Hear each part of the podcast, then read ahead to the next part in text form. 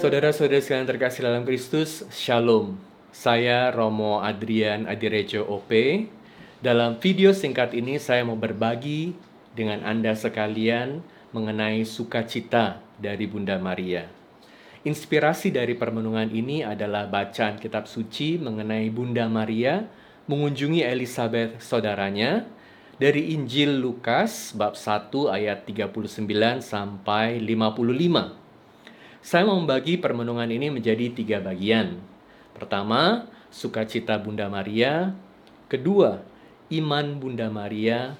Ketiga, pengharapan Bunda Maria. Pertama, sukacita Bunda Maria. Hal yang paling menonjol saat kita membaca Injil ini adalah sukacita yang kita bisa rasakan terpancar dari Bunda Maria.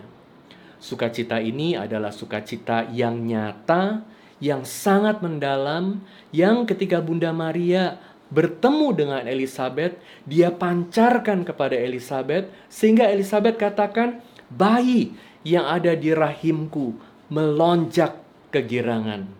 Bahkan kitab suci juga mengatakan saat bertemu dengan Bunda Maria, Elizabeth merasakan Roh Kudus ada padanya. Ia menerima Roh Kudus juga. Jadi ini satu sukacita yang dibagikan oleh Bunda Maria yang membawa sukacita itu membagikannya kepada Elizabeth. Di sini kita bisa melihat bahwa Bunda Maria adalah sungguh-sungguh pribadi yang menyenangkan. Kalau dalam bahasa Surabaya itu ada kata yang dipakai oleh orang-orang Surabaya bencekno dan nyenengno. Bencekno ini artinya nyebelin. Nyenengno menyenangkan. Orang yang bencekno ini ah kalau ada dia lebih baik kita nggak usah datang deh. Ah kalau dia mau pergi sama kita lebih baik nggak usah pergi deh. Orang seperti ini ditinggalkan, dihindari. Jelas Bunda Maria bukan orang seperti ini. Bunda Maria adalah orang yang sangat menyenangkan. Elizabeth itu dipenuhi dengan sukacita ketika berada bersama Bunda Maria. Kalau dalam bahasa Inggris ada kata charming. Kata charming ini berasal akar katanya adalah karis yang berarti rahmat. Seorang yang charming ini mungkin nggak terlalu cantik, tapi dia kelihatan sangat menarik. Dia nggak terlalu pinter, tapi orang mau dengerin dia. Dia itu punya karisma. Kenapa ada orang-orang seperti ini? Orang-orang seperti ini adalah grace bearer. Ada karis dalam dirinya sehingga dia bisa membuat orang lain jadi nyaman sama dia. Nyaman karena apa? Karena orang ini bawa sukacita dan menularkan sukacita. Bagaimana dengan kita? Tentu kita mau jadi seperti Bunda Maria. Bunda Maria bisa menjadi demikian karena dia dipenuhi oleh rahmat Tuhan. Dia membawa rahmat. Kalau kita mau membagikan rahmat kepada orang lain, pertama-tama kita harus hidup dalam rahmat. Makanya kan setiap kali kita berdoa rosario, kita katakan salam Maria penuh rahmat. Kita selalu diingatkan, Bunda Maria adalah bunda yang membawa rahmat. Apa artinya hidup dalam rahmat? Nah, di sini kita bisa mendengar dari doa pujian Bunda Maria, the canticle, di mana dia mengatakan bahwa jiwaku memuliakan Tuhan dan hatiku bergembira karena Allah juru selamatku, sebab ia telah memperhatikan kerendahan hambanya. Sesungguhnya, mulai dari sekarang, segala keturunan akan menyebut aku berbahagia. Karena yang maha kuasa telah melakukan perbuatan-perbuatan besar kepadaku. Dan namanya adalah kudus. Rahmatnya turun-temurun atas orang yang takut akan Dia. Ini adalah doa pujian dari Bunda Maria. Dan doa pujian ini menggambarkan iman yang sangat mendalam dari Bunda Maria. Kenapa saya katakan ini menggambarkan iman yang sangat mendalam dari Bunda Maria dan ini adalah satu bentuk hidup dalam rahmat Tuhan? Karena dalam doa ini kita bisa melihat bagaimana Bunda Maria itu melihat dirinya bukan hanya sebagaimana dia melihat dirinya dengan matanya, dengan pandangannya, dengan pikirannya, tapi dia melihat dirinya sebagai orang yang diberkati, yang bisa memuliakan Tuhan, yang bergembira karena Allah adalah Sang Juru Selamatku, karena dia melihat dirinya, dia melihat hidupnya dari bagaimana Allah melihat dia.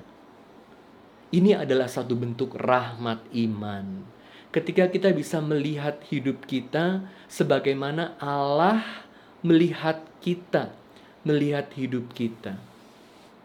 Dan ketika Allah melihat hidup kita, Allah melihat kita dengan matanya yang indah. Saat mata ini indah, segala sesuatu yang dilihat jadi indah. Dalam hidup, segala sesuatu yang kita lihat itu tergantung sering kali bukan dari realitasnya, tapi dari bagaimana diri kita, siapa kita apa adanya. Saya kasih contoh. Kalau saya kasih satu bunga mawar kepada satu cewek yang baru jatuh cinta, dia akan senang sekali. Aduh, Romo, Romo kok tahu aja sih saya lagi kepengen dapat mawar. Dia senang sekali. Itu karena dia baru jatuh cinta. Tapi coba kalau saya kasih bunga mawar kepada cewek yang baru putus cinta. Dia akan sangat marah. Dia bilang kepada saya, Romo, kalau Romo ini bukan Romo, saya udah akan marah-marahin Romo. Kenapa Romo itu hina saya? Apa Romo nggak tahu saya ini baru putus cinta? Mawar yang sama, buat dua orang yang berbeda, dengan cara penerimaan yang berbeda, dengan cara pandang yang berbeda, menghasilkan tanggapan yang berbeda. Sama juga dengan hidup. Kalau kita melihat hidup hanya dari cara pandang kita yang sangat terbatas, bagaimana kita bisa sungguh memuji Tuhan, memuliakan Tuhan? Bagaimana kita bisa hidup dalam rencana Tuhan? Bagaimana kita bisa dipenuhi dengan sukacita Allah? Bunda Maria menjadi seorang wanita yang penuh dengan sukacita. Pertama-tama, karena dia melihat bagaimana Allah sangat setia kepada dia. Bagaimana rahmatnya turun-temurun atas semua orang yang takut akan dia. Kalau Bunda Maria lihat hanya dari pandangan dia sendiri tentang dia, siapa dia?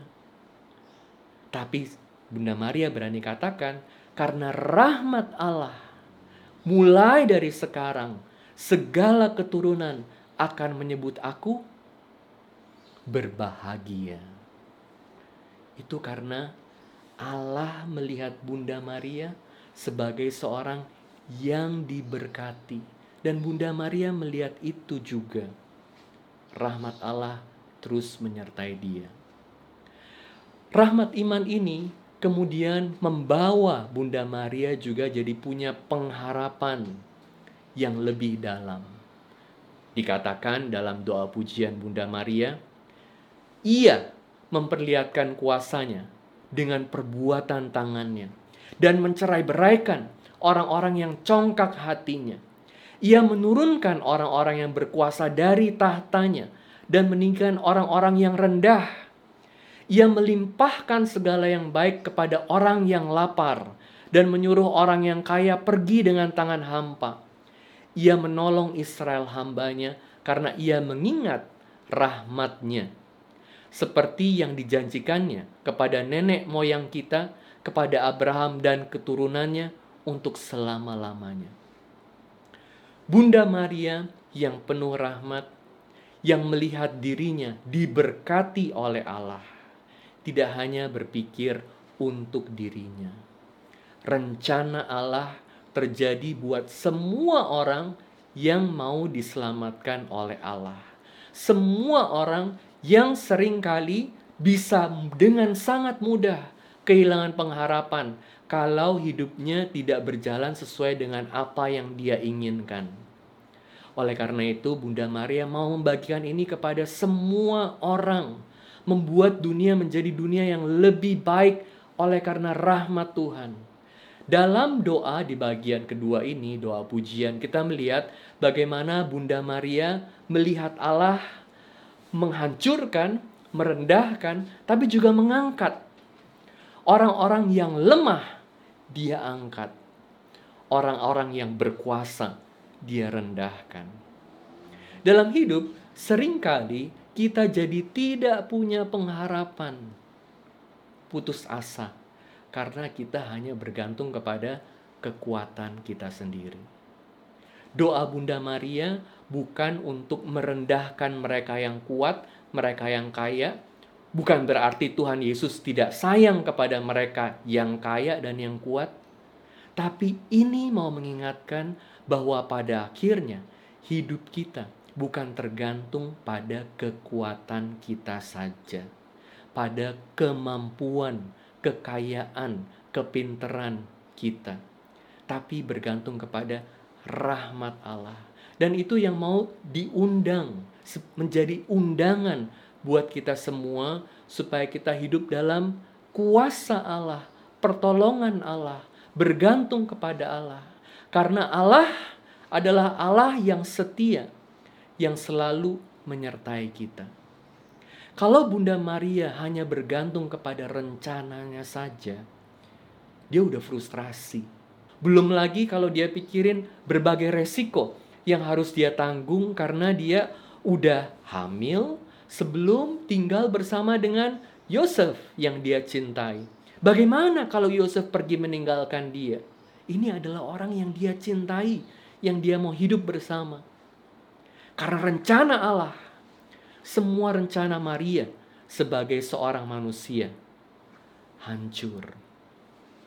Kalau kita jadi Bunda Maria, kita bisa-bisa putus asa, itu karena kita sering kali hanya bergantung pada kekuatan kita. Tapi hari ini Bunda Maria dalam doanya mengingatkan kita, Allah merendahkan semua yang penuh kuasa.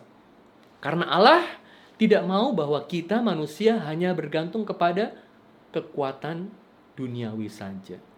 Justru di saat kita bergantung kepada rencana Allah, terbuka terhadap rencana Allah, kita sungguh mulai bisa melihat bahwa rencana Allah itu tidak pernah meninggalkan kita. Kasih Allah selalu berjalan bersama kita. Kita perlu belajar dari Bunda Maria untuk sungguh-sungguh hidup dalam kepenuhan kasih Allah. Saya yakin kita semua berharap, berdoa, supaya bisa hidup dengan penuh sukacita seperti Bunda Maria. Hidup dalam kelimpahan Allah. Kan Allah sendiri sudah bilang, Yesus bilang, aku datang untuk memberi hidup dan hidup yang berkelimpahan.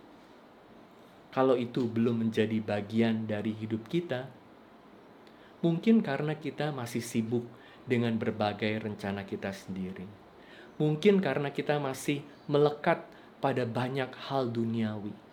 Dan pertanyaan besarnya, apakah kita sudah membawa Yesus dalam hidup kita? Bunda Maria menjadi bunda sukacita dengan imannya dan pengharapannya karena ia mengandung Yesus. Semoga di bulan Maria ini dengan selalu merenungkan teladan hidup Bunda Maria, kita juga selalu dipenuhi dengan sukacita iman, dan pengharapan Allah. Tuhan sertamu. Semoga Allah yang Maha Baik memberkati Anda sekalian dalam nama Bapa, Putra, dan Roh Kudus. Amin.